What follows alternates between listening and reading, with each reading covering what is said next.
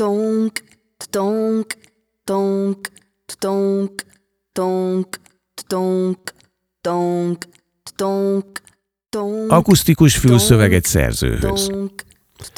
Szereti pixelekből összetenni világát. A pixel kisebb, mint a mozaik, nála mégis könnyen tud lenni ikon. Talán azért, mert költő, író, műfordító, egyben üvegművész.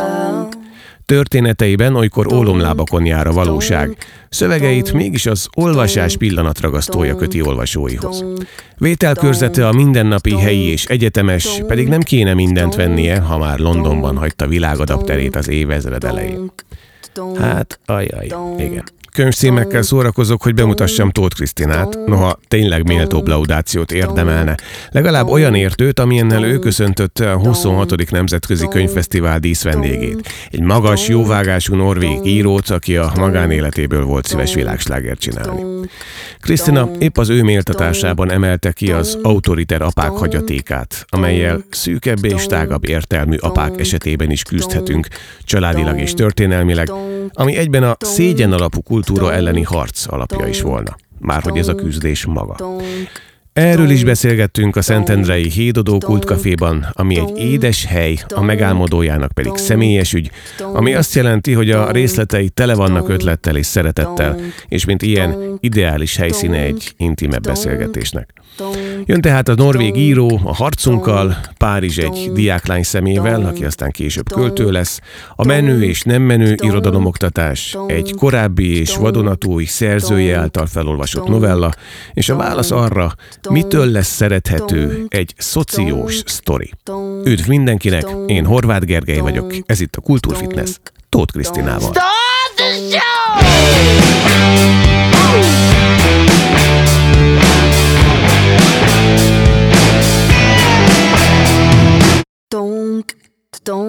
Elfelejtettem mondani, hogy nagyon sok díjad van. Többek között József Attila díjad is.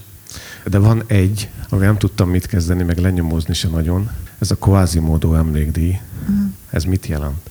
Salvatore Quasimodo emlékére ültettek egy fát a Balaton Füredi Tagoresétányon, és minden évben kiadják a Salvatore Quasimodo emlékdíjat is. Füreden, és egyik évben ezt én kaptam. A díjnak az a feltétele, hogy egy publikálatlan versen lehet pályázni. Ebből választja ki a zsűri abban az évben a Megmondom őszintén, Viktor Hugo féle módó körül keresgettem, és nem tudtam helyre tenni a dolgot. És miután ugye sajnos most történtek ezek az események Párizsban, a tűzvész kapcsán nem, nem, nem tudtam teljesen a helyére tenni, csak eszembe jutott, hogy szegény Quasimodo egyébként elveszítette a lakhelyét. Viszont neked Franciaországgal és kifejezetten Párizsal van egy szorosabb viszonyod, a kapcsolatod? Hát annak idején én két évet töltöttem Párizsban, egyetemista koromban. Ez egyébként szinte egy véletlennek köszönhető. Én az egyetemi évek alatt Lator László műfordító szemináriumára jártam.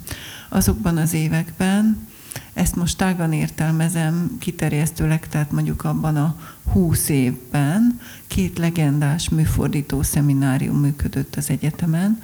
Az egyik Géher István szemináriuma volt, ahová többnyire az angolosok jártak, a másik pedig Lator László műfordító szemináriuma, ahová mindenki. Tehát nem csak műfordítók, hanem olyanok, akik írással próbálkoztak, vagy szerettek volna műhely munkában részt venni.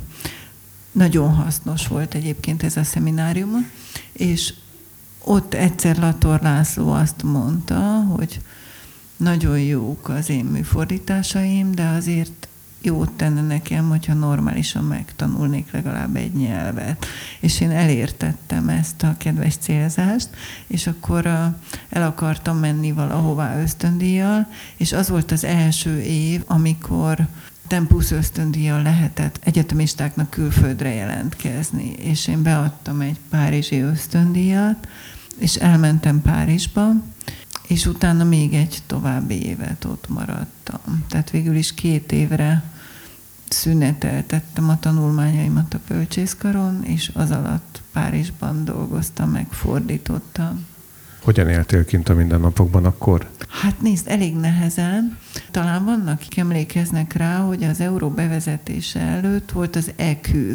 Nem tudom, hogy ez mond-e még valakinek valamit. A Tempus ösztöndiakat EQ-ben utalták, ami a BNP Paribanknak három hónap átfutási időt jelentett, és ez az ösztöndíjasoknak nem könnyítette meg az életét. Ezt el tudod képzelni. Párizsi ösztöndíjasként, hogy milyen lehetett három hónapig várni az eküben érkező ösztöndíjat. Tehát azért az nem volt egy egyszerű időszak. Ráadásul ez nem volt arra elegendő, hogy az ember Párizsban bármit béreljen, és meg is éljen, tehát mindenkinek kellett valami munkát vállalni mellette. Hát a legegyszerűbb ugye a gyerekőrzés és a takarítás volt, és akkoriban én takarítottam. De különben ez egyáltalán nem volt zavaró olyan szempontból, hogy nagyon érdekes helyekre eljutottam, meg nagyon érdekes családokhoz sikerült a takarítás révén becsöppennem. Tehát, hogy tulajdonképpen ilyen tanulmányútnak tekintettem ezt. Nyelvileg is nagyon sokat fejlődtem ettől, hogy dolgoznom kellett az ösztöndíj mellett, és Egyébként is úgy éreztem, hogy így olyan mérétegeiben sikerül a városnak megmerítkeznem, amelyben egyébként nem lehetne. Mi az, amit neked akkor ez a kintlét adott? Hát egyrészt nyelvileg nagyon sokat fejlődtem, tehát rengeteget tanultam ez alatt az időszak alatt. Másrészt olyan tapasztalatokkal gazdagodtam, amelyeket turistaként nem tapasztalhattam volna meg. Például a 16. kerületben dolgoztam egy családnál, ez egy nagyon drága, nagyon előkelő kerület, és ott dolgoztam egy családnál, és nekem borzasztó érdekes volt például, hogy egy idő után mindenki tudta ott az épületben, hogy én XY családnál dolgozom takarítóként. Én intéztem a bevásárlást, meg rendben tartottam a lakást, és hát ez egy nagyon előkelő épület volt, és sokszor hoztam haza a bevásárlást, és mondjuk másfél év alatt egyetlen egyszer sem fordult elő, hogy valaki a liftnél előre engedett volna, vagy a felső lépcsőn engedtek volna. Érdekes volt megtapasztalni, hogy olyan, mintha itt nem zajlott volna le a fra- nagy francia forradalom. Tehát, hogy társadalmilag ez egy nagyon szigorúan megosztott világ és hát mindenféle munkát kipróbáltam, például kutyát sétáltattam, amíg a tulajdonosok elutaztak. Ott láttam életemben először kutyacipőt, ami szerintem elég extrém, tehát Budapesten még elég kevés van belőle, és föl kellett küzdenem a kutya négy lábára, amikor csapadékos idő volt, hogy tehát, hogy nekem ez egy nagyon tanúságos két év volt, és utólag többen kérdezték, hogy én nem éreztem-e megalázónak, és mondtam, hogy dehogy, hát fantasztikus tapasztalat, tehát, hogy olyasmit látok, amit egyébként soha nem látnék, és hogy én mindenből építkezem, vagy mindentől gazdagodom. És egyébként meg rengeteget könyvtáraztam, és nagyon mulatságos volt hallani, hogy az én csoporttársaim, vagy évfolyamtársaim mindig kérdezgették, hogy fú, hát ott vagy Párizsban biztos ilyen nagy életet élsz, és ehhez volt nekik elmagyarázni, hogy az ember nap közben takarít, meg egyetemre jár, akkor hullafáradt, és a maradék időmben meg a könyvtárban ültem, és francia költöket hallgattam hangfelvételről, hogy a különböző dialektusokat meg tudjam tanulni. Tehát, hogy nagy sikerélmény volt nekem, amikor mondjuk megértettem Francis Zsámot, aki elképesztő déli dialektusban mondta a verseit, és akkor, amikor egyszer csak őt is értettem már, miközben néztem a szöveget, akkor úgy éreztem, hogy há, hát akkor én már így tudok franciául. Tehát, hogy hogy nagyon izgalmas volt. Igen, kicsit meglep, amit mondasz, mert pont arra gondolnék, hogy valamiféle olyasmi attitűdöt tapasztaltál meg egy olyan környezetben, ami szöges ellentéte volt annak, amiből akkor mentél. De ezek szerint más volt, de nem mindenben.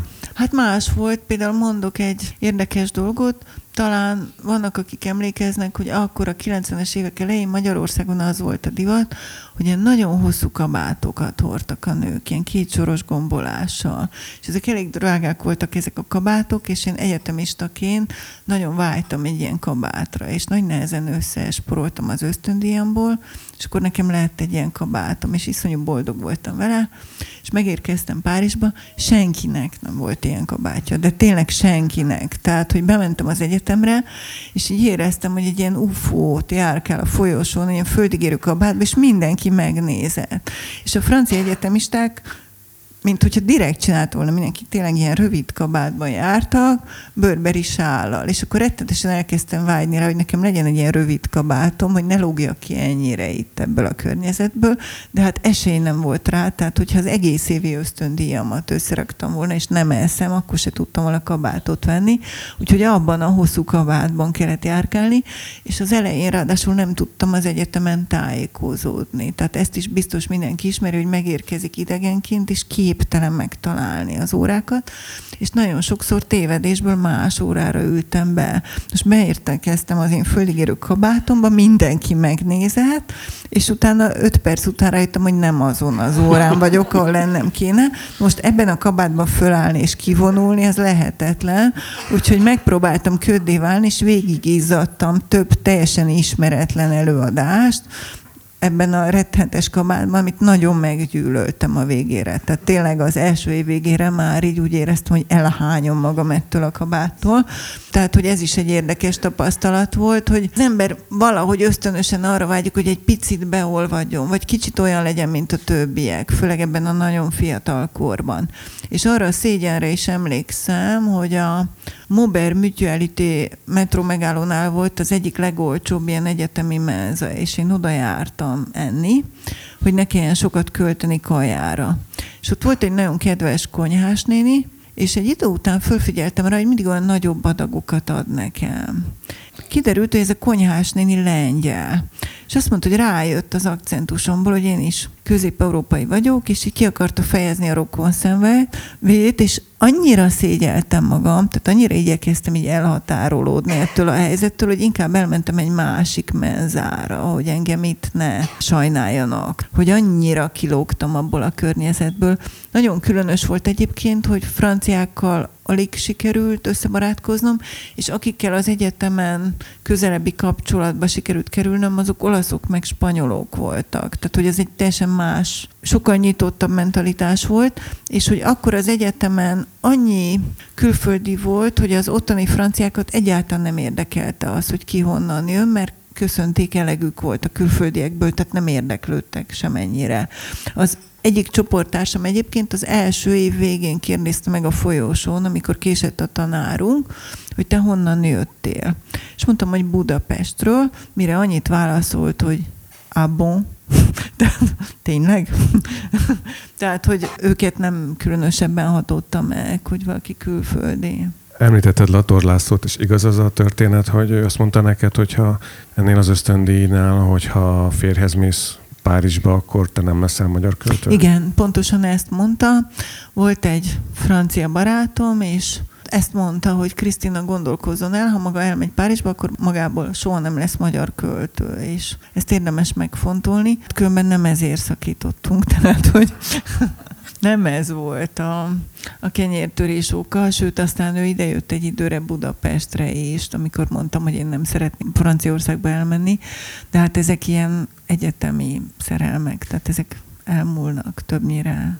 És amikor ez történt, akkor a te fejedben mi volt önmagadról, hogy mi leszel? Tehát leszel-e magyar költő, vagy akartál-e magyar költő lenni? Hát ilyesmi azért nem volt a fejemben, tehát nem erre, ezzel keltem reggelenként, mielőtt elmentem az egyetemre, hogy most egy kicsit még elmegyek egyetemre, de aztán magyar költő leszek. Tehát, hogy nem voltam ilyen tudatos.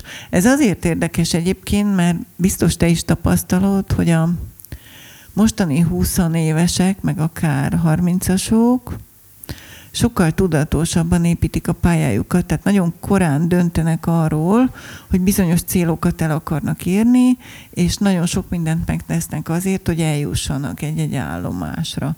És nálam nem volt ilyen. Én igazából azt akartam, hogy azzal foglalkozhassak, ami engem érdekel, vagy amit szeretek. És az, hogy ott vagyok Párizsban, az egy eszköz volt ahhoz, hogy mondjuk én francia költőket fordíthassak, és gyakoroljam azt a mesterséget, ami abban a pillanatban engem a legjobban izgatott. Ha ez így érthető. Tehát, hogy nem voltak hosszú távú terveim, fogalmam sem volt, hogy mit akarok kezdeni az életemmel, és ráadásul úgy mentem el Párizsba, hogy egy nagy szakítás után adtam be ezt az ösztöndíj kérelmet, és tulajdonképpen a magánéletemmel voltam leginkább elfoglalva, tehát úgymond szakmai terveim nem voltak. Szerettem írni, és igyekeztem ebben a lehető legtöbbet elérni. Tehát nekem örömet okozott az, hogy tanulok, vagy fordítok verseket, de nem azzal a célral fordítottam,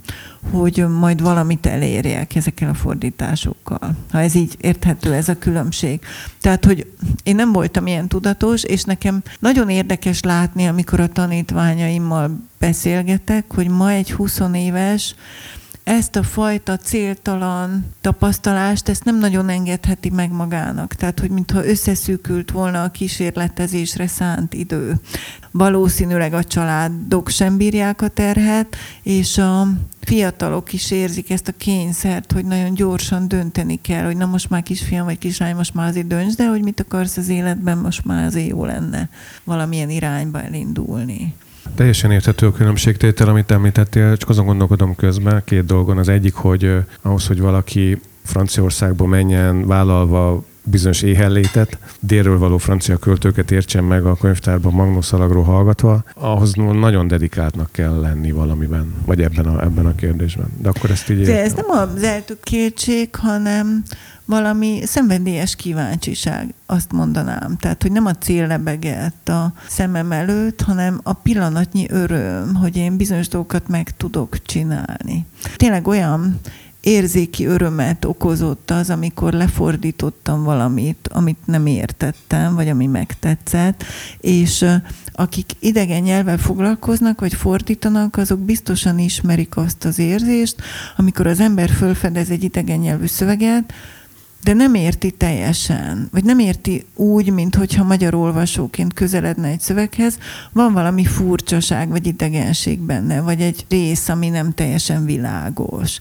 És akkor ahhoz közel kerülni, vagy azt lefordítani, az egy nagyon izgalmas menet. Engem ez nagyon szórakoztatott tulajdonképpen lehetett volna ismerkedni, meg menni ide-oda Párizsba, de én tényleg úgy éltem, mint egy ilyen remete, aki alig várta, hogy így odaülhessen versek mellé, és akkor fordítson. Nagy, nagy örömet okozott. A másik, amiért kérdeztem, hogy és azt is kérlek, hogy jó értelemben értsd, hogy te egy olyan szerzőnek tűnsz, aki kívülről nézve tudatosan építi a saját útját, megjelenéseit. Pontosan beszélsz mindig arról, hogy irodalmi szempontból egy művedben mi hogyan inspirált. Egyébként Horváth Csaba készített veled egy interjú kötetet, ez a Reptéri nyúl, ami egy pontos vezetést ad az egész eddigi életművön keresztül, vagy át, mindig egyfajta tudatosság látszik. A tudatosság megjött közben, vagy egyszerűen így működsz? A pályaépítés szempontjából nem nevezném ezt kifejezett tudatosságnak. Inkább úgy mondanám, hogy viszonylag fegyelmezett vagyok, hogy nagyon erős bennem a munkamorál. De nem azért, mert tudom, hogy ezt a keserű dolgot el kell végezni, hanem mert én azt gondolom, hogy ha az ember választ valami tevékenységet, akkor olyat válaszol, amiben örömet elég és hogy végül is én döntöttem, hogy ezzel szeretnék foglalkozni, és nekem a legnagyobb örömem ebben telik, és uh, például ezért én kínosan betartom a határidőket, tehát arra például büszke vagyok, hogy 30 éve publikálok, és hogy én még nem passzoltam határidőt, vagy nem csúsztam le, mert fölállítom magamnak a, a határidőket a naptáramban, és akkor addigra így igyekszem megcsinálni. És hogyha az ember sokféle dolgot csinál így a hétköznapokban, akkor egyébként nem is nagyon engedheti meg magának, hogy az egyik boruljon, mert akkor az összes többi elcsúszik. Rájöttem, hogy így sokkal hatékonyabban tudok működni, tehát nekem is szükségem van ezekre a keretekre ahhoz, hogy meg tudjam csinálni azt, amit meg kell csinálnom, mert Egyébként meg alkatilag én egy szőszölősebb alkat lennék, tehát hogy hosszabban elvacakolnék esetleg dolgokkal, de hogyha tudom, hogy ekkora és ekkora kell befejeznem, akkor azért igyekszem befejezni. Mindjárt mondom a kivételt, tehát egy regényen dolgozom, amit már két éve be kellett volna fejeznem, a saját magam szabta határidő szerint, de mindig befigyel valami más feladat, ami miatt ez csúszik. De közben meg igyekszem elkerülni az üres járatokat, tehát hogyha éppen mondjuk nem megy az írás, akkor fordítok valamit, vagy drámát fordítok, tehát hogy valami tevékenység mindig van. Te laudáltad Karl Ove Knüsgaard. Knüsgaard fantasztikus vagy, én tegnap tanultam meg, hogy Knüsgaardnak kell ejteni, Micsoda? mert én Knausgaardnak mondtam eddig, de ez tévedés, tehát tökéletesen ejtetted Karl Uwe Knüsgaard. Tehát Karl Ove, Uwe, bocs, mondta, hogy Uwe, nem Uwe, Uwe. Karl Ove Knüsgaard. Tökéletes, de szinte mint egy norvég, igen. Azért nem fogok beülni egy könyvtárba Oszlóba, hogy... De, tehát ott mondtad, más fontos, fontosabb dolgokat is mondtál, csak kitértél egy ilyenre, hogy ne higgyünk mindig a fülnek, a fülszövegnek, mert mellé beszél, meg ugye a kép, hogy nem is tudom, hogy fogalmaztál, nem nagyon szereted mindig, hogyha van a szerzőről, mert Sőt, inkább nem szeretem. Sőt, inkább nem szeretem. Előre tolt én, vagy valami Igen, ilyesmi igen. kifejezést használtál.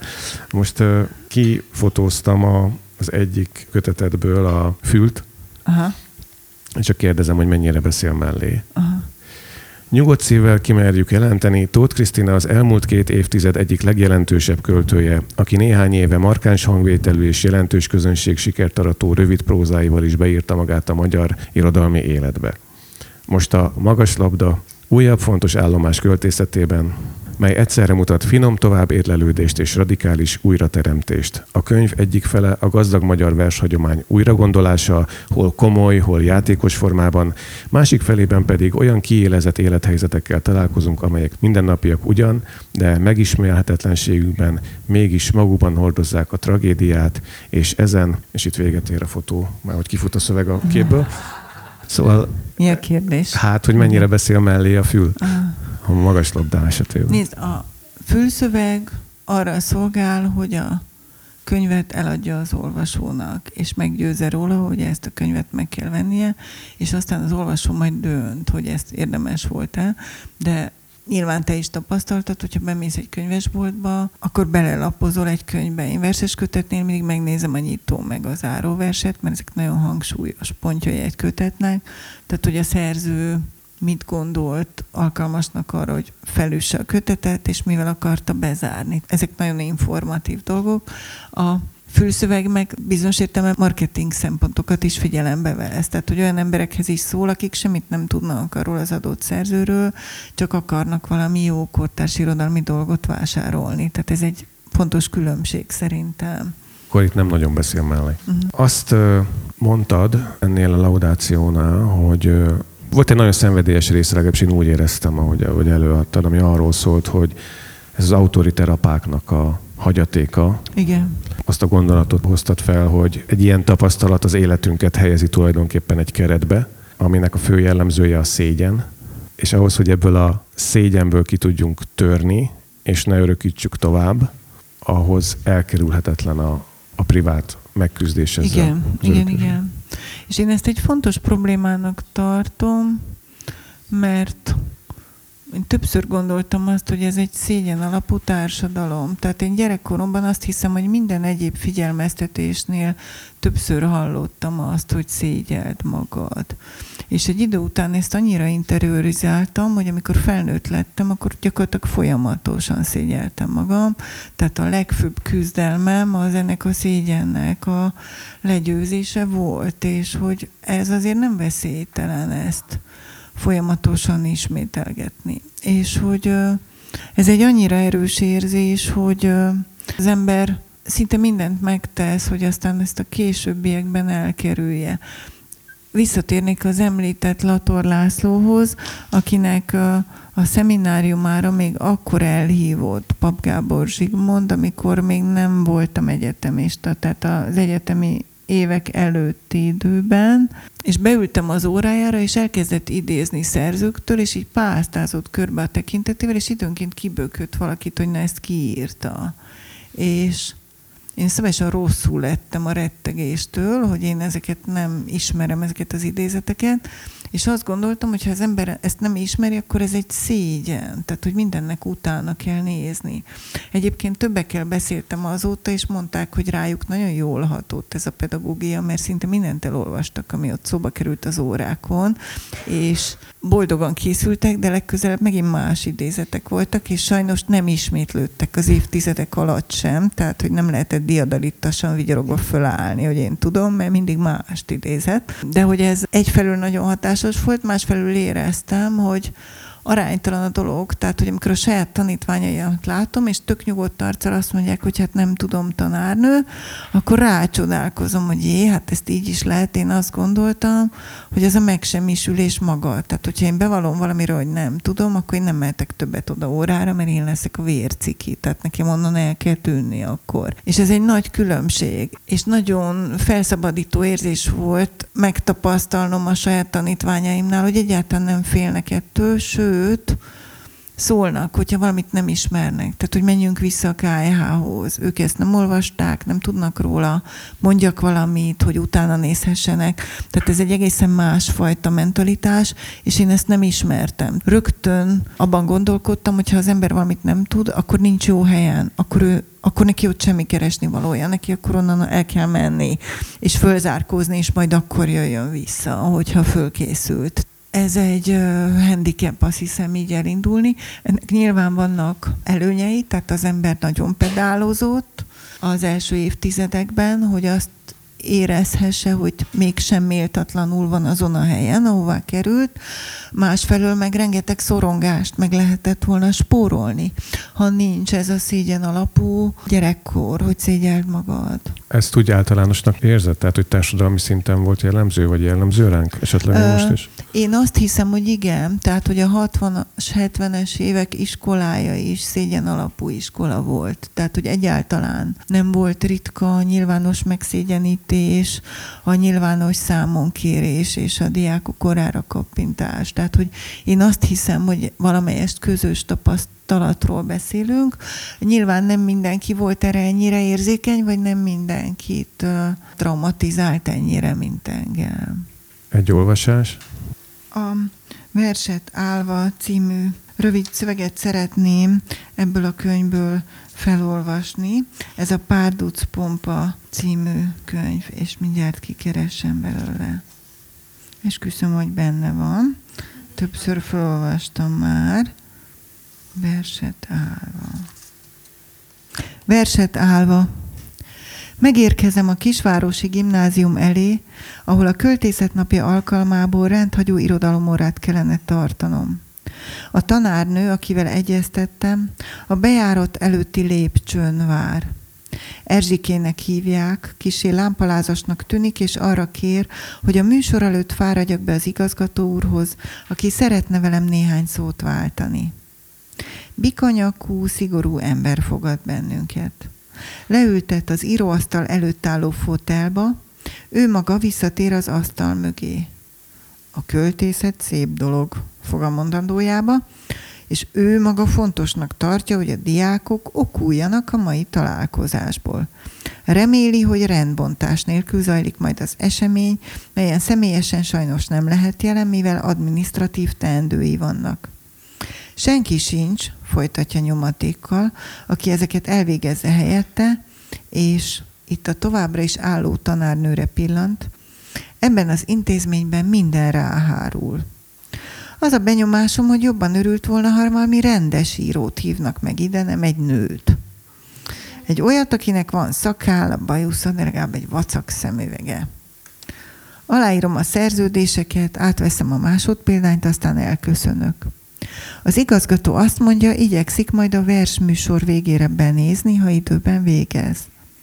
A folyosón próbálom tisztázni, hogy nem versműsorral készültem, hanem beszélgetni szeretnék, mire Erzsébet rávágja, hogy arra is lesz 10 perc, írtak kérdéseket. A terembe lépünk, amit betölt a gyerekkorom iskolai ünnepéjeiről ismerős verejtékszag. A diákok ünneplőben állnak, kórusban köszönnek. Egy frissen fodrászolt magyar tanárnő lép elém, katonásan üdvözöl, aztán közli, hogy a diákok nagyon készültek, és most meghallgatjuk a szavalatokat. Riadtam bólintok. Ő fogja vezetni a műsort, sugja oda, de még nem ül le mellé, mert úgy illik, hogy a tanár osztozon a diákokkal a szenvedésben. Nem értem, hogy mit ért szenvedésen, de néhány másodperc múlva világossá válik. Szigorú tekintetétől irányítva a tanulók egyenként lépnek ki a sorból, és darálják el üres arccal a verseket, amelyeket én írtam, és amelyekről eskü alatt állíthatom, hogy nyomtatásban volt értelmük. A rövid összeállításból ez nem derül ki. Levegőbe meredő, kocsonyás tekintetek, szoknya szélét morzsolgató diákkezek, tanácstalan arcok. Ezeknek a gyerekeknek a költészettel való találkozás maga a drill, a féle vizsga, kísérettségi. A műsor baki nélkül lemegy, a tanárnő lehajtja a diákokat a pódiumról, és beszélgetni kezdünk. A közönséghez fordulok, kérdezek valamit. Senki nem jelentkezik, bámulnak üres arccal, mint az udvarra terelt a rabok. Félek, nehogy a tanárnő felszólítson valakit, inkább úgy döntök, felolvasok, talán oldódik a hangulat. Egy József Attilához kapcsolódó versel indítok, a tanárnő helyeslően bólogat. Közben érzékelem, hogy az igazgató belépett a terembe és integet. Nyilván jelezni akarja, hogy megjött. Amikor befejezem a verset, mozgolódás támad, mindenki tekergeti a fejét. A széksorok szélén egy idősebb tanárnő oson hajlott háttal, mint valami moziba későn érkező, besúranó néző, és egy cédulát szorongat. Az első sorban ülők átveszik, továbbadják, és meglepetésemre a cédula végül hozzám fut be a színpadra. Nyomtatott betűkkel ez áll rajta. Verset állva mondunk. Elképedve nézek föl, és látom, hogy a bikanyakú igazgató megint integet. Most értem meg a kézmuzdulatot, azt mutatja, hogy álljak fel. Felolvasom a mikrofonba az üzenetet. Az első sorból néhányan behúzott nyakkal lázítanak, hogy maradjak csak ülve, aztán lopva hátra pillantanak. Nézzünk szembe a terem két végéből az igazgatóval, és belemondom a mikrofonba, hogy én a saját versemet ülve szeretném elmondani, ha nincs ellenére. A lázadás és bomlás szelleme végig söpör a termen, a tanárnők kipirult, forradalmi arccal várják, hogy na most mi lesz. A pódiumon ülő magyar tanárnő válaszol, hogy tegyem csak, ahogy jónak látom, és közben a terem végébe pillant, mintha biztosítani akarná felettesét, hogy sajnálja a dolgot. Ez igazán nem az ő ötlete volt, ő megmondhatta volna előre, hogy az élőköltők kockázatosak, az Erzsike találta ki az egészet. Beszélni kezdek, közben megfordul a fejemben, hogy talán valakinek az állásával játszom. Erzsikéjével mondjuk, aki felvetette, hogy meghívjanak. De talán másokéval is, talán mindazokéval, akik a könyveimet tartják a kezükben, hogy dedikáljak nekik. Hozzájuk beszélek elsősorban, és a gyerekekhez. Arról próbálok valamit mondani ebben a reménytelenül levegőtlen, visszhangos teremben, hogy a vers zene. A vers mi magunk vagyunk. A vers a létünk, az identitásunk, hogy verset nem fejből, hanem szívből mondunk, és nem szépen, hanem bárhogyan, bárhol. Homokos, vizes, síkra érve, fülkefényben állva, vonattetőn keresztben hasalva, csillámló sziklafalon ülve, lassan, tűnődve, halkan, motyogva.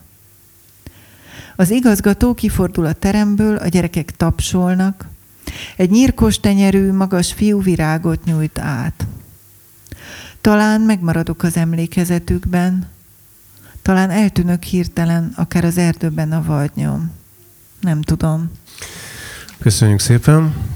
Ez elég rigid világ. Van ennek vagy ilyesmi élménynek köze ahhoz, hogy felsősök irodalom könyveibe beszálltál? Igen, mindenképpen van. Hozzá kell tennem, hogy azóta ezt a könyvet kivonták a forgalomból, szerintem be is zúzták, tehát hogy egy-két példány található még mutatóban. Mit írtál benne?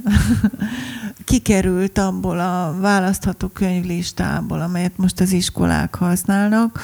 Én egyébként azt gondolom, hogy egy szerethető könyv volt, és a tanárok is többnyire szerettek belőle dolgozni.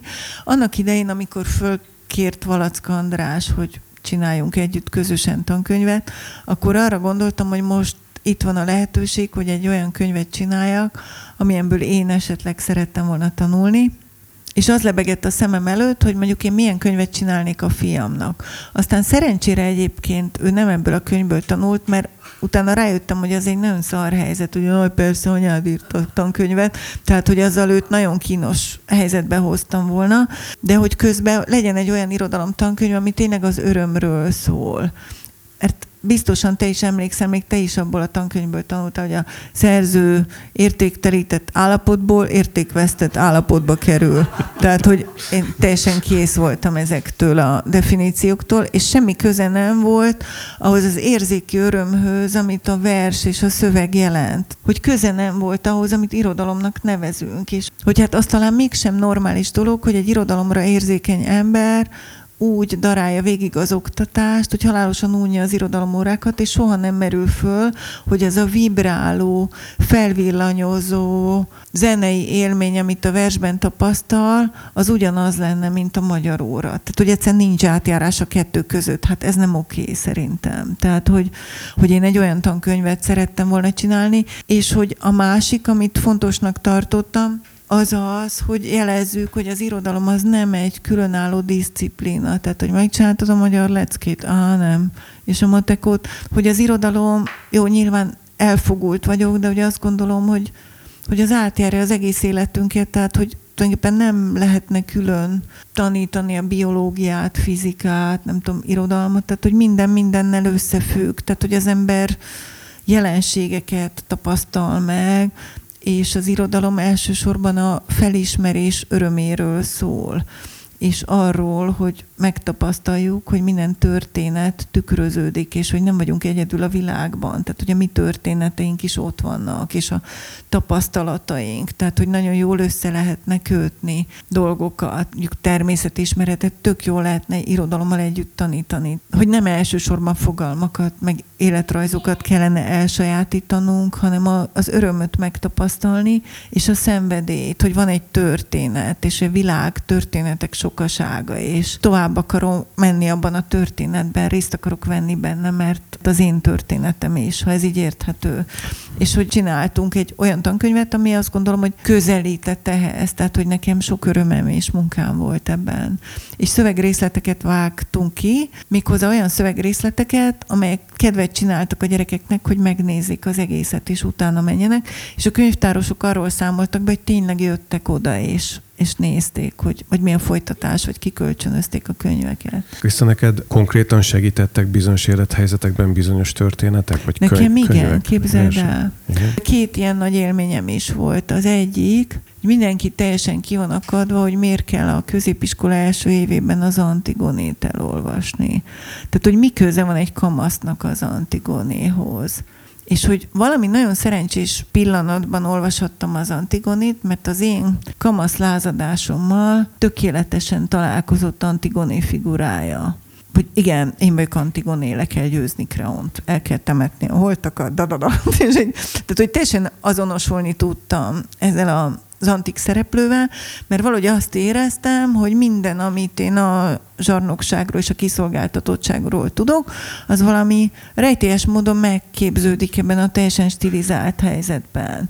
És ugye megvetően pásztáztam az osztálytársnőimet, persze, hogy ez mind diszméné, ezek mind ilyen megalkuvóak, de én Antigoné vagyok, tehát hogy teljesen, teljesen bele tudtam élni magam.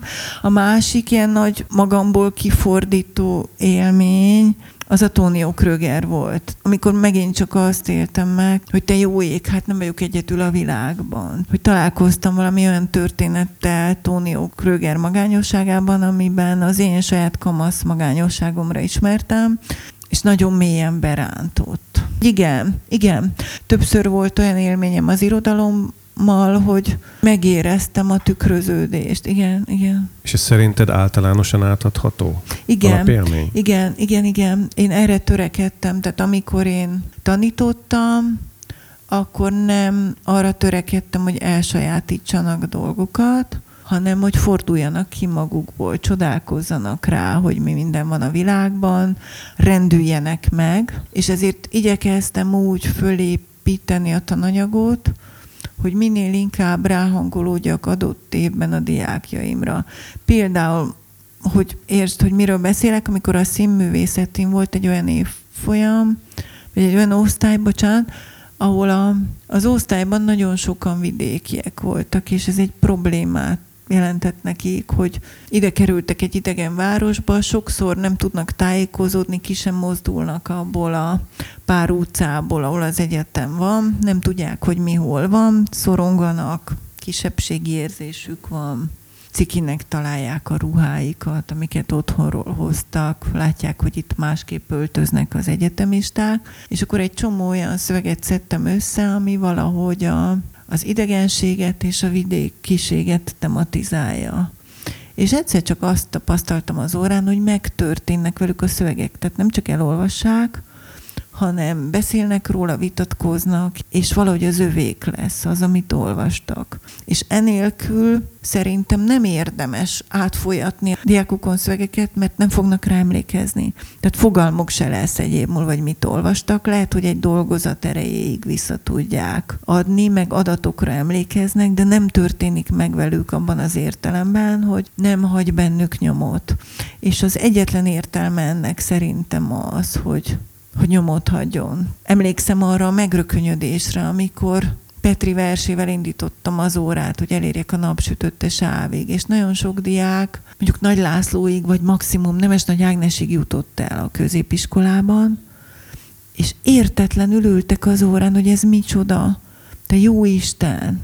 És kicsit hátra is hőköltek, de láttam, hogy ez egy olyan sok volt, hogy egy ismeretlen világ tárult ki előttük. Nekem mindig az a célom, amikor tanítok, én egyébként szenvedélyesen szeretek tanítani, mert annál nagyobb örömet nem tudok elképzelni, mint amikor látom, hogy velük is megtörtént. Tehát, hogy valami ért szenvedélyesen lelkesedem valamiről, azt gondolom, hogy egy remek mű, hogy egy csoda, és egyszer csak látom rajtuk, hogy megértettek valamit, hogy milyen átérezték, és hát színészeket meg külön öröm tanítani, mert utána ezek a baromi tehetséges gyerekek magukon átszűrik, és visszaadják ezt, és hát az, az meg a jutalom. A szégyennel is lehet így bánni irodalmon keresztül? Ugye említetted, hogy neked ez nagyon mélyen benned volt, és tudatos munkát igényelt, hogy kigyere, kigyere belőled.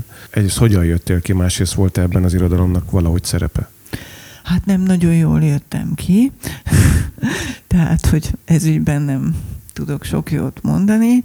Amit fontosnak tartok én a tanításnál az az, hogy semmit nem ciki nem tudni. Hogy ne arról szóljon az óra, hogy valaki feszeng. Senki nem várja el 20 éves emberektől, hogy mindent tudjanak, és hogy nálam nem volt ilyen, hogy valami ciki. Tehát ők maguk is hozhattak, és az egyébként nekem inkább megejtő volt, hogy hozhattak olyan szövegeket is, amelyekről ők gondolták, hogy nekik fontosak. És adott esetben ezeknek a szövegeknek nem volt komoly irodalmi értékük, de megpróbáltunk annak utána menni, hogy nekik miért fontosak ezek a szövegek. Na, ez szerintem egy nagyon jó aspektus, hogy mi van akkor, hogyha egy szöveg nem úgynevezett magas irodalom, de, de működik de egyszerűen hatással van, és valamilyen módon képes arra, hogy formáljon. Nézd, itt mindjárt hozhatnám példának a dalszövegeket. Ha dalszövegeket leveszel a zenei háttérről, kíséretről, sokszor nem működnek önmagukban, viszont a zenével együtt tökéletesen funkcionálnak. És azt gondolom, hogy mindent a maga helyén kell vizsgálni én ilyen szempontból egyáltalán nem vagyok sznob az óráimon. Tehát, hogy nem gondolom azt, hogy csak magas irodalmat lehet vizsgálni. Tehát, hogy bizonyos fogalmakat más szövegeken keresztül is megtanulhatunk, hogyha azok a szövegek alkalmasak rá. Érted? Tehát, hogy én nem hiszek abban, hogy nincs átjárás. Főleg most. Tehát, hogy annyiféle szöveg él párhuzamosan a mai világban az emberek fejében, és annyiféle kontextusából kiragadott szöveg keresztezi egymást, vagy jár át egymásba, hogy ilyen különbséget már nem lehet tenni, azt hiszem. Akkor az a kérdés, hogy mire gondolt a költő, amikor saját zenéjét hallja mások által megzenésítve. Ugye beszéltél, hogy milyen fontos a zene, és neked például több megzenésített verset van, de mondjuk a Magashegyi Underground megzenésített egyet, a Kosztolányi. Igen, igen. Az például hogyan esett első hallásra? Nagyon tetszett nekem, de mondok erről egy fontos dolgot. Általában, hogyha valaki megzenésít egy szöveget, Ugyanez igaz a filmre, és bármi másra, hogy ott valójában azért egy önálló műalkotás jön létre. Ezek szerintem nagyon adekvát és pontos és nagyon érzékeny megzenésítések. nekem szerencsém van azokkal, akik hozzányúltak a verseimhez, mert általában valami lényegi dolgot ragadtak meg, és mutattak meg zeneileg. De ezt te hagyod De... mindig?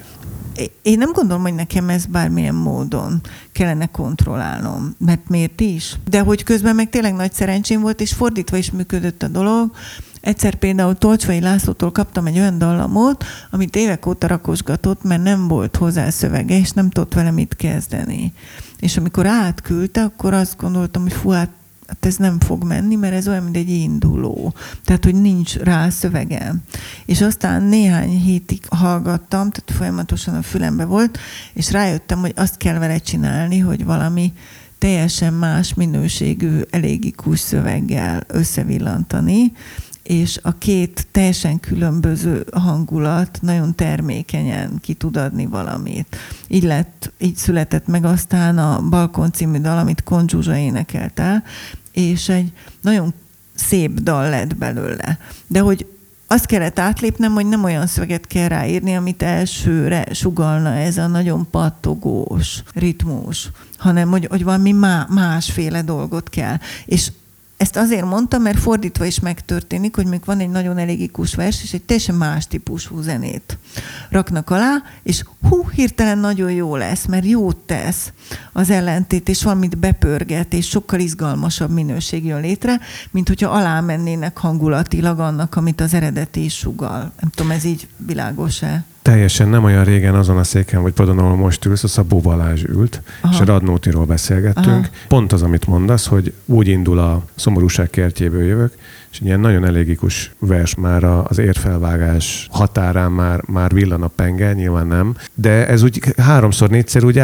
meg kell hallgatni, amíg leesik, hogy valójában mi történik, és Balázs ugyanezt mondta, hogy nem úgy érezte, hogy egyrészt szeret zeneileg is ellenpontozni, Aha. és úgy érezte, hogy sokkal feldolgozhatóbb, igen. hogyha megközelíthetőbb lesz, hogy már majd, nem vidám, de egy majdnem, majdnem igen, vidám. Igen, tehát hogy én is azt gondolom, hogy igen. ezek nagyon gyakran éppen ellenkezőleg működnek, tehát a zenének nem illusztrálni kell, tehát nem megmutatni kell azt, amit elsőre sugal, hanem valami egészen új minőséget kihozni. De neked ez írói eszközöd is, nem? A te szövegedben is gyakran van, hogy nagyon kemény a sztori, de a humor valamilyen formájában, vagy irónia, vagy abszurd valami befigyel, így valahogy elhordozza.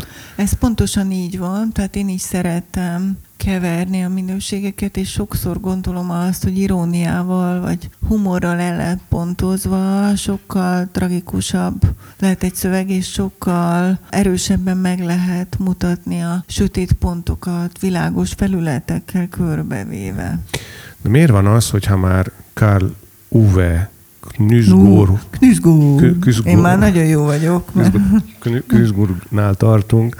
Ugye ő beleíramlott a saját életének folyamába, és elkezdte írni, nem tudom, hat köteten keresztül, Igen. talán a haláltól az életig, és ő aztán ilyen szuper aprólékossággal hozza elő a részleteket, és mondjuk ez is jellemző rád, vagy rád is jellemző, hogy valamit megfogsz, de az miért van, hogy ő nem jut belőle nagyon el valahova, vagy úgy tűnik, mintha nem tudna mit kezdeni, és újabb ilyen részlet folyam van, miközben neked meg összeáll egy kiragadásból valamit ott formálsz, alakítasz, mint ugye tanult szobrász, de végül is egy sokkal kisebb formátumban, ami akár egy tárcában valami megvan. De ez nagyon érdekes nekem én azért is örültem, amikor megbíztak ezzel a megtisztelő feladattal, hogy én őt laudálhatom, mert nekem ő egy nagyon nagy titok, és én nagyon beleszerettem ebbe a regény folyamba, méghozzá azért, mert engem íróilag, és mindjárt a kérdésedre is válaszolok, ez már része a válasznak, engem íróilag nem izgat igazán az önéletrajz. Tehát soha nem tudtam mit kezdeni vele. Vannak ilyen naplóíró alkatók, tehát akik így szeretik rögzíteni pontosan a dolgokat, meg visszaolvassák. Említettük a szégyent, én akárhányszor gyerekkoromban belefogtam naplóírásba, mindig hoztak rokonok ilyen kis lakattal lezárató füzeteket, nem tudom, és elkezdtem írni, és néhány nap vagy hét múlva visszaolvastam, és azt éreztem, hogy ez baromi ciki. Tehát, hogy csupa jelentéktelen dolgot írtam le, és hogy ebből a pár részletből egy teljesen jelentéktelen élet bontakozik ki. Tehát, hogy én sokkal nagyszabásúbb dolgokról szeretnék írni, és hogy ez idegen tőlem, ez az egész műfaj. A másik meg, amit gondoltam, hogy engem mindig a konstrukció érdekel, hogy hogy lehet konstruálni, megépíteni valamit, ami nincs. Tehát nem egy létező dolgot rekonstruálni visszafelé, hanem építeni a semmiből. Knüzgar esetében valami egészen csodálatos dolog történik, mert valóban ebből a nagyon hétköznapi matériából építkezik, és egyszer csak ez a nagyon hétköznapi hömpölygő matéria elemelkedik, és valami csodálatosan egyetemes magasságba szökel, és az emberi lét leglényegéről közvetít valamit, úgy, hogy közben nem tudom, hogy ez mikor történik meg. És folyamatosan ezt próbáltam megfejteni, miközben a gyönyörű fordítást olvastam, hogy mikor történik meg ez a csodálatos dolog, hogy úgy tűnik, mintha magáról kezdene beszélni, és mindenről beszél, ami valaha a kezdetektől az emberiséget foglalkoztatta. Tehát, hogy olyan költészetet csinál ebből a dirib darab hétköznapi törmelékből, ami maga a csoda. És én is szeretek hétköznapi dolgokból építkezni, de valóban én mindig megpróbálok valami struktúrát előre fölrakni, nála pedig nem véletlen, hogy a megnyitó szövegben Proustot emlegettem, valami hömpölygő, magával ragadó, áradó szöveg bontakozik ki belőle, csodálatos, ritmusú, hosszú, hullámzó mondatokkal. És annyira el voltam ragadtatva attól, hogy az olvasóban is képes ezt a flót előidézni, tehát hogy az ember elkezdi olvasni, és beköltözik. És oldalakon keresztül nem történik semmi, és mégis úgy érzi, hogy tiszta költészetet olvas. Anélkül, hogy szépelegne, tehát ez egyáltalán nem szépeleg ez a könyv. A gyerekein cserél pelenkát, intézi a bevásárlást, csupa olyan dolgot csinál, amit mindenki, és mégis költészetet tud csinálni. Ez a legtisztább, leggyönyörűbb irodalom, tehát maga a csoda tényleg. Ehhez kellett egyébként a fordító, és két fordítót csinálta meg magyarul, az is egy csoda, tehát hogy ezt ne felejtsük el, tehát nem magyarul írta ezeket. És hogy én is szeretem a hétköznapi alapanyagot, de engem ott szokott izgatni a mikrotörténet, amire rátalálok, ahol a mikrotörténetben hirtelen megcsillan valami, ami olyan parabolisztikus, vagy valahogy hirtelen azt érzem, hogy többet mond el magánál a történetnél, és lásd verset állva. Tehát, hogy nem az iskoláról beszél, hanem az irodalomhoz való teljesen kretén viszonyunkról mond el valamit. De mondjuk ezek vele megtörtént dolgok nálad, meg nem lehet felfejteni, hogy Ö, mikor mi van. Egyrészt azt gondolom őszintén, hogy tök mindegy, hogy megtörtént-e vele kizártnak tartom, hogy hat köteten keresztül rekonstruálni tudja, hogy mikor kellett pisilnie biciklizés közben a lejtőn. Tehát, hogy ez nyilván fikció. Tehát a kerete az az élettörténet, de egyébként regényt ír, melynek ő a főszereplője, és a visszaemlékezés a fikció kerete. Ez is konstrukció a maga nemében, de hogy teremt egy autonóm regényvilágot, amelyikbe berántja, menthetetlenül berántja az olvasóját. Ez nagyon érdekes egyébként, mert kiderült, amikor beszélgettünk, hogy képzővésznek készült, és én ezt fontosnak éreztem, mert én is szobrászakon végeztem, tehát hogy ő nagyon erősen láttatja az anyagát, a környezetét, a szereplőit, a szereplői ruháit, a tárgyakat, a tárgyi környezetet, mindent látunk, és ennek nagyon erős atmoszféra teremtő ereje van. Tehát, hogy hogy néz ki mondjuk egy stokholmi kávézó, tehát azonnal a szagokat érezzük, ott vagyunk a helyszínen, és hogy ez nyilván összefügg ezzel a vizuális alapbeállítottsággal azt hiszem. Az a világ, amiben ez indul, ugye ez az autoriterapa, amit te is neveztél, ha jól emlékszem, egyébként úgy fogalmaztál ebben a laudációban, hogy az írással újjáteremti. Ugye? Igen, ezen gondolkoztam két hétig, amíg nem jött meg az angol fordítás, hogy ezzel mit fognak kezdeni, mert azt írtam, hogy a visszaélésre visszaéléssel válaszol, tehát hogy újra teremti a múltat, és visszaéli magát a múltba. Neked van ilyen metódusod? Nekem a gyerekkönyvek azt jelentik, hogy én visszaélhetem magam a gyerekkoromba, és úgy írhatok gyerekkönyvet, hogy a gyerekeim az olvasóim, de én is képzeletbeli olvasója vagyok a saját gyerekkönyveimnek. Tehát, hogy olyan gyerekkönyvet csinálok, amilyet akarok, bibibi.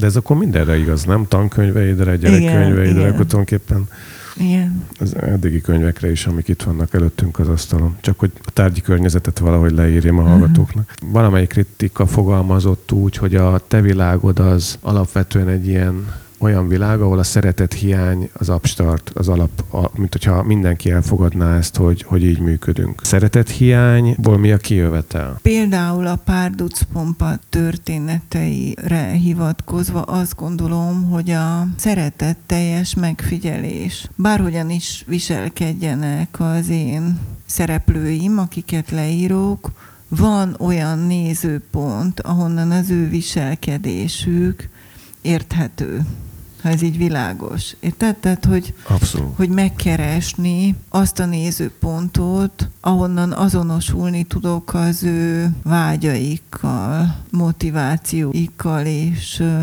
gyűlöletükkel is. Érted? Tehát, hogy nem úgy azonosulni, hogy én is gyűlölök, hanem hogy megérthessen belülről azt, hogy bennük mi munkál. És sokan haragudtak ezután a könyv után, és azt mondták, hogy nem igaz, hogy ennyire sötét ez az ország, és hogy ennyire tragikusak ezek a történetek, és közben én végig azt akartam üzenni, hogy bármilyen szörnyű is az, amit itt leírok, Azért a lényeg az, hogy én a páriákkal vagyok. Azt a nézőpontot igyekszem leginkább magamévá tenni. Tehát, hogy a legkiszolgáltatottabbak és a sokszor legkevésbé szerethető szereplők nézőpontját a magamévá tenni. Ez teljesen érthető, azon gondolkodtam, hogy ez alapvetően egy biblikus nézőpont. Igen. Az mitől függ, hogy valakit kiléptetsz a remény felé, vagy nem? Attól, hogy én mennyire látom lehatároltnak a saját környezetemet és a lehetőségeket. Nagyon fontos volt például a Pixel című könyvnél, hogy a szerkesztőm azt mondta, hogy muszáj lenne az utolsó fejezetben egy olyan történetet szerepeltetni, az egy olyan könyv, ahol váltakozhatnak a történetek sorrendjei. Én dönthetek arról, hogy milyen sorrendben állítom föl a sztorikat, hogy én ott az első verzióban nem hagytam kiáratot. Tehát, hogy amikor azt a könyvet írtam, akkor azt éreztem, hogy lezárultak a menekülő útvonalak, és ezt a klaustrofób atmoszférát akartam azzal tükrözni, hogy az utolsó fejezetben minden lezárul. És akkor a szerkesztőm mondta, hogy hát ezt ezt az olvasóval nem kéne megcsinálni, tehát hogy ezt én ne tegyem meg íróként. És akkor ezen gondolkodtam, mert a saját dolgomat is megnehezítettem volna, például a következő könyv szempontjából. De aktuálisan akkor tényleg azt gondoltam, és itt pedig a párducpompa történeteiben azért mindig ott van emberileg a remény, tehát hogy még a legsötétebb történetben is megmozdul valami, valami emberi. Van egy szereplő, akiben meglátjuk valahogy mindig a reményt. Majdnem végszó. Az van, utóbbi időben nagyon szereted az állatos címadást, párducpompa, reptéri nyúl, és a most közelgő vadonatúj kötetet címe Fehér Farkas. Fehér Farkas az egy albinó farkas.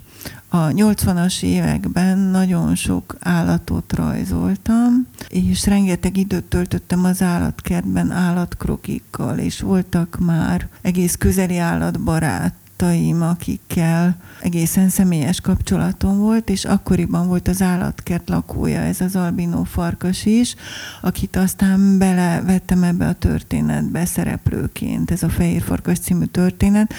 Egyébként, ha már a reményről beszéltünk, azt gondolom, hogy ez a valaha írt legsötétebb könyvem. Egyik sem volt annyira komor hangulatú, és tulajdonképpen egyik sem tükrözte ilyen markánsan ezt a negatív antropológiát, mint ez a most következő. Benned változott valami? Ö, annyi változott, hogy hirtelen úgy éreztem, hogy talán nem beszéltem eddig elég világosan vagy radikálisan, de most akkor elmondom, hogy, hogy, hogy mit gondolok. Tehát, hogy ilyen értelemben ez egy, igen, azt gondolom, hogy ez egy radikális könyv, tehát nyilván sokan nem fogják szeretni.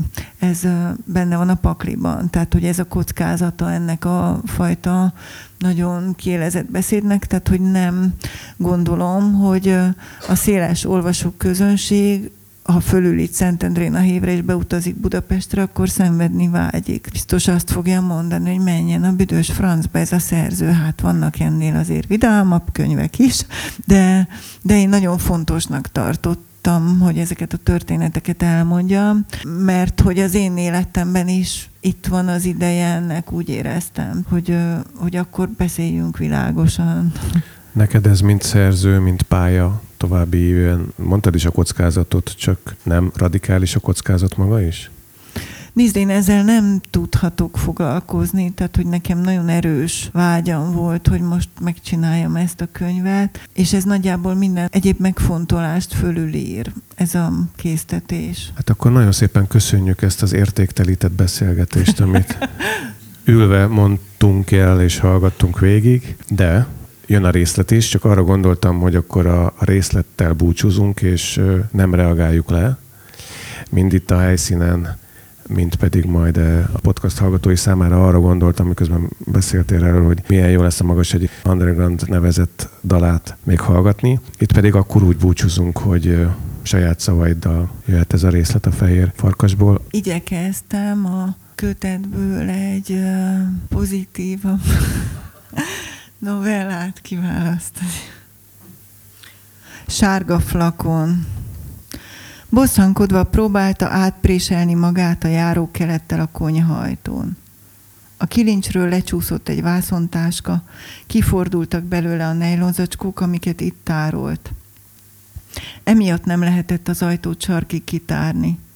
A táska legalább egy évtizede ott lógott, az volt a helye. Soha nem is okozott gondot, csak most, hogy a csípőműtét után Sára néni hazajött a kórházból, és muszáj volt járókeretet használni a lakásban. A szőnyegeket segített feltekerni a szomszéd, de azt már nem próbálták végig, mi lehet még útban a szobák közti közlekedésnél. Elővett a fiókból egy húsfogó csipeszt, és igyekezett felszedegetni a nejlonzacskókat. Nem sikerült. Amint lehajolt, csajogni kezdett a műtét helye. Nyugdíjas tanítónő volt, otthon egészen a tavalyi betegségig korrepetált gyerekeket. A városban sokan kedvelték, és most a lábadozás alatt is gyakran feljött hozzá egy-egy régi tanítvány. A bevásárlást mindig elvállalta valaki, ki se kellett mozdulnia. Gyereke nem volt, a férje tíz éve meghalt, hozzászokott már, hogy egyedül boldoguljon.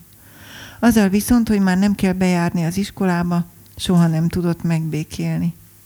Az újak türelmetlenek voltak és alul képzettek. Kora délután már rohantak haza a saját gyerekeikhez.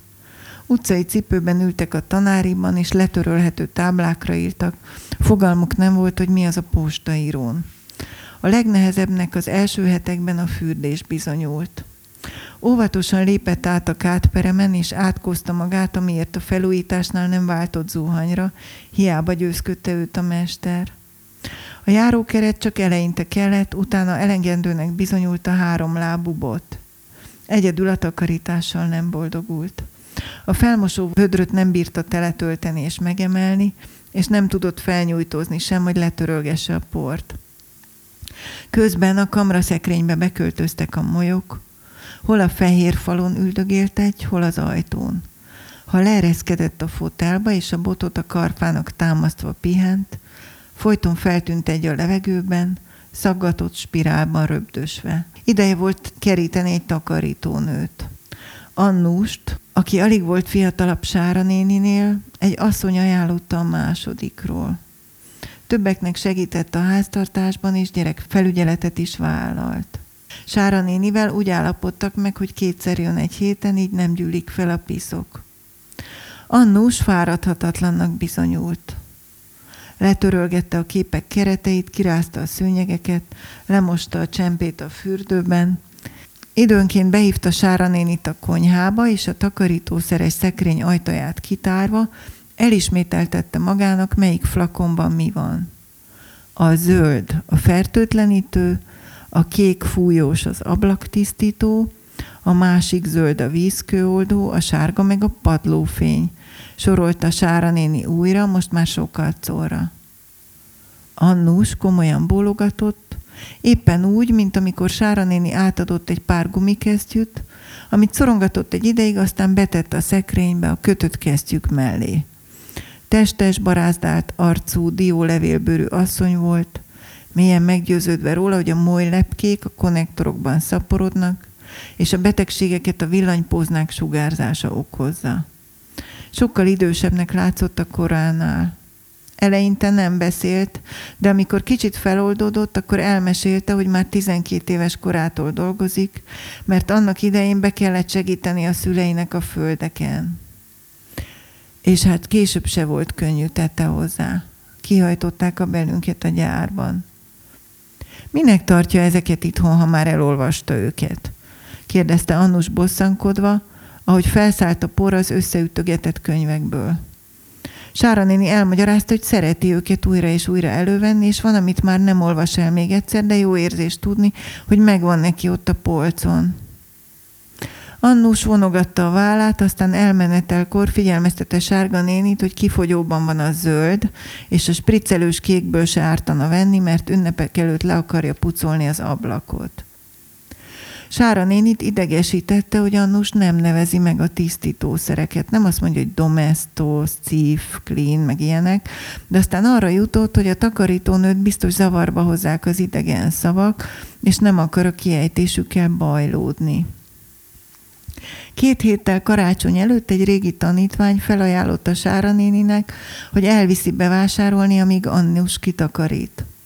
Segítenek beszerezni a gyertyákat, ajándékokat, és megveszik a fenyőt is. A férj majd felcipeli a fát, az asszony meg bepakolja a helyükre az élelmiszereket. Sára néni a hónapok óta tartó bezártság után örült, hogy kimozdulhat egy kicsit, és mindent megbeszélt Annússal. Kérte, hogy a tükröket is mossa le, akassza fel a fényfüzért az erkére, és mindent hagyjon rendben. Annós többször megkérdezte, hogy be is dugja el a fényfüzért, vagy elég akkor, ha besötétedett. Mire csomagokkal megrakodva hazaértek, az asszony már elment.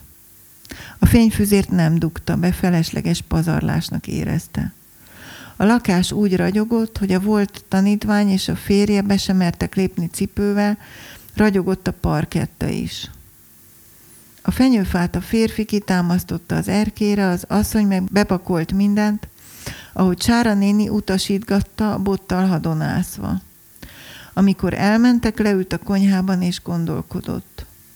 Valami furcsát érzett már hazaérkezés óta, de nem tudta volna megmondani még magának sem, hogy mit. Felállt, körbejárt a lakásban, és egyre erősödött benne ez az érzés. Régi balatoni nyarak jutottak eszébe, a délutáni vízpart, a lassan szürkülő nyári ég. A férje sötétre sült, szeplős bőre pecázás közben. Nem értette, hogy mi van vele. Szinte megszédült, neki döntötte a homlokát a ruhás szekrény ajtajának, megkapaszkodott az élében. Akkor közelről megcsapta az illat.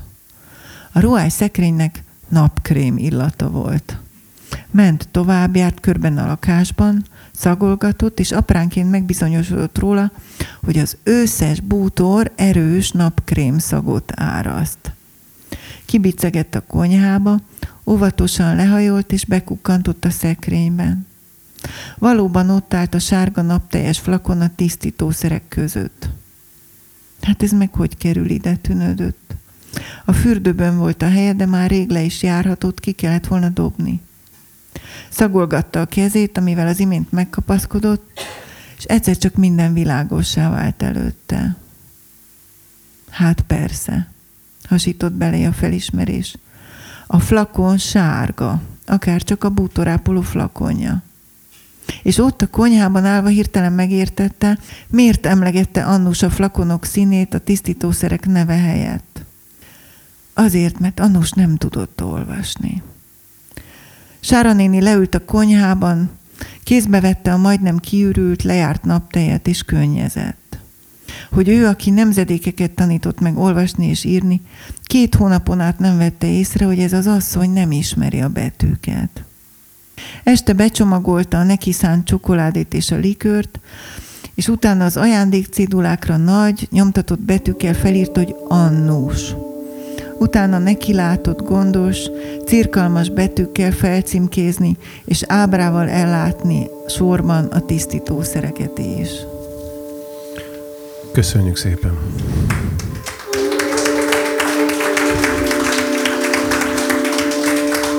Köszönöm, hogy itt voltak, és köszönöm a beszélgetést.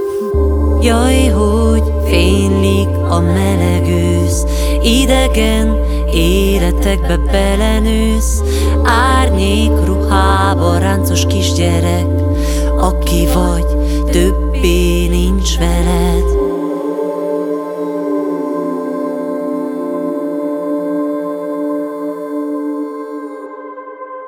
Minden életed elhagyod, de a szemtelen kék ragyog, mint fákra nyíló égi ablak. Nem vagy magad, csak nem magad vagy.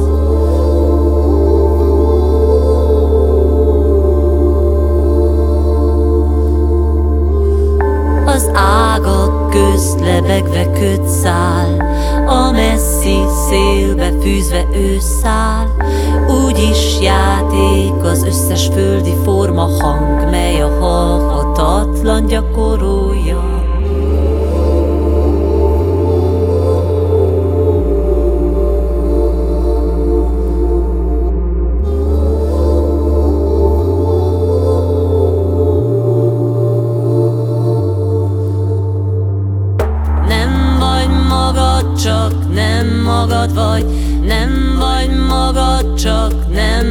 Magad vagy Nem vagy magad, csak nem magad vagy Nem vagy magad, csak nem magad vagy Nem vagy magad, csak nem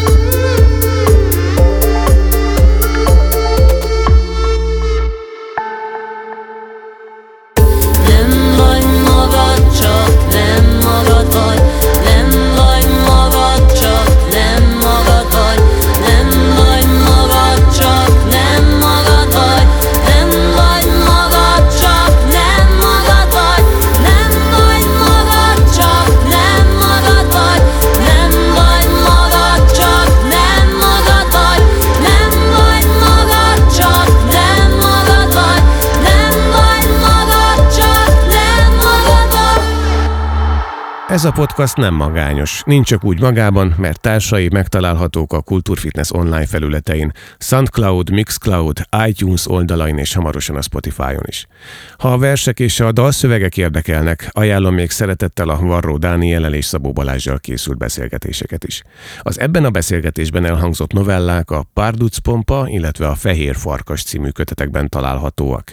A zárózene dalszövege pedig a Kosztolányi hajszálai című vers megzenésítése, amit a Magashegyi Underground felületein lehet megtalálni egyébként más Tóth Krisztina vers dalátiratokkal együtt. Köszönöm a Hédodó Kultkafénak Szentendrén, hogy otthont ad a fitness élő felvételeinek.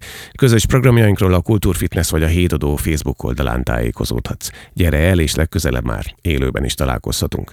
Én Horváth Gergely vagyok, és köszönöm, hogy Kultúrfitness-t hallgattál. Ez a podcast a Podcast, a Podcast családtagja. Podcast. Vidd magaddal. Donk, Donc,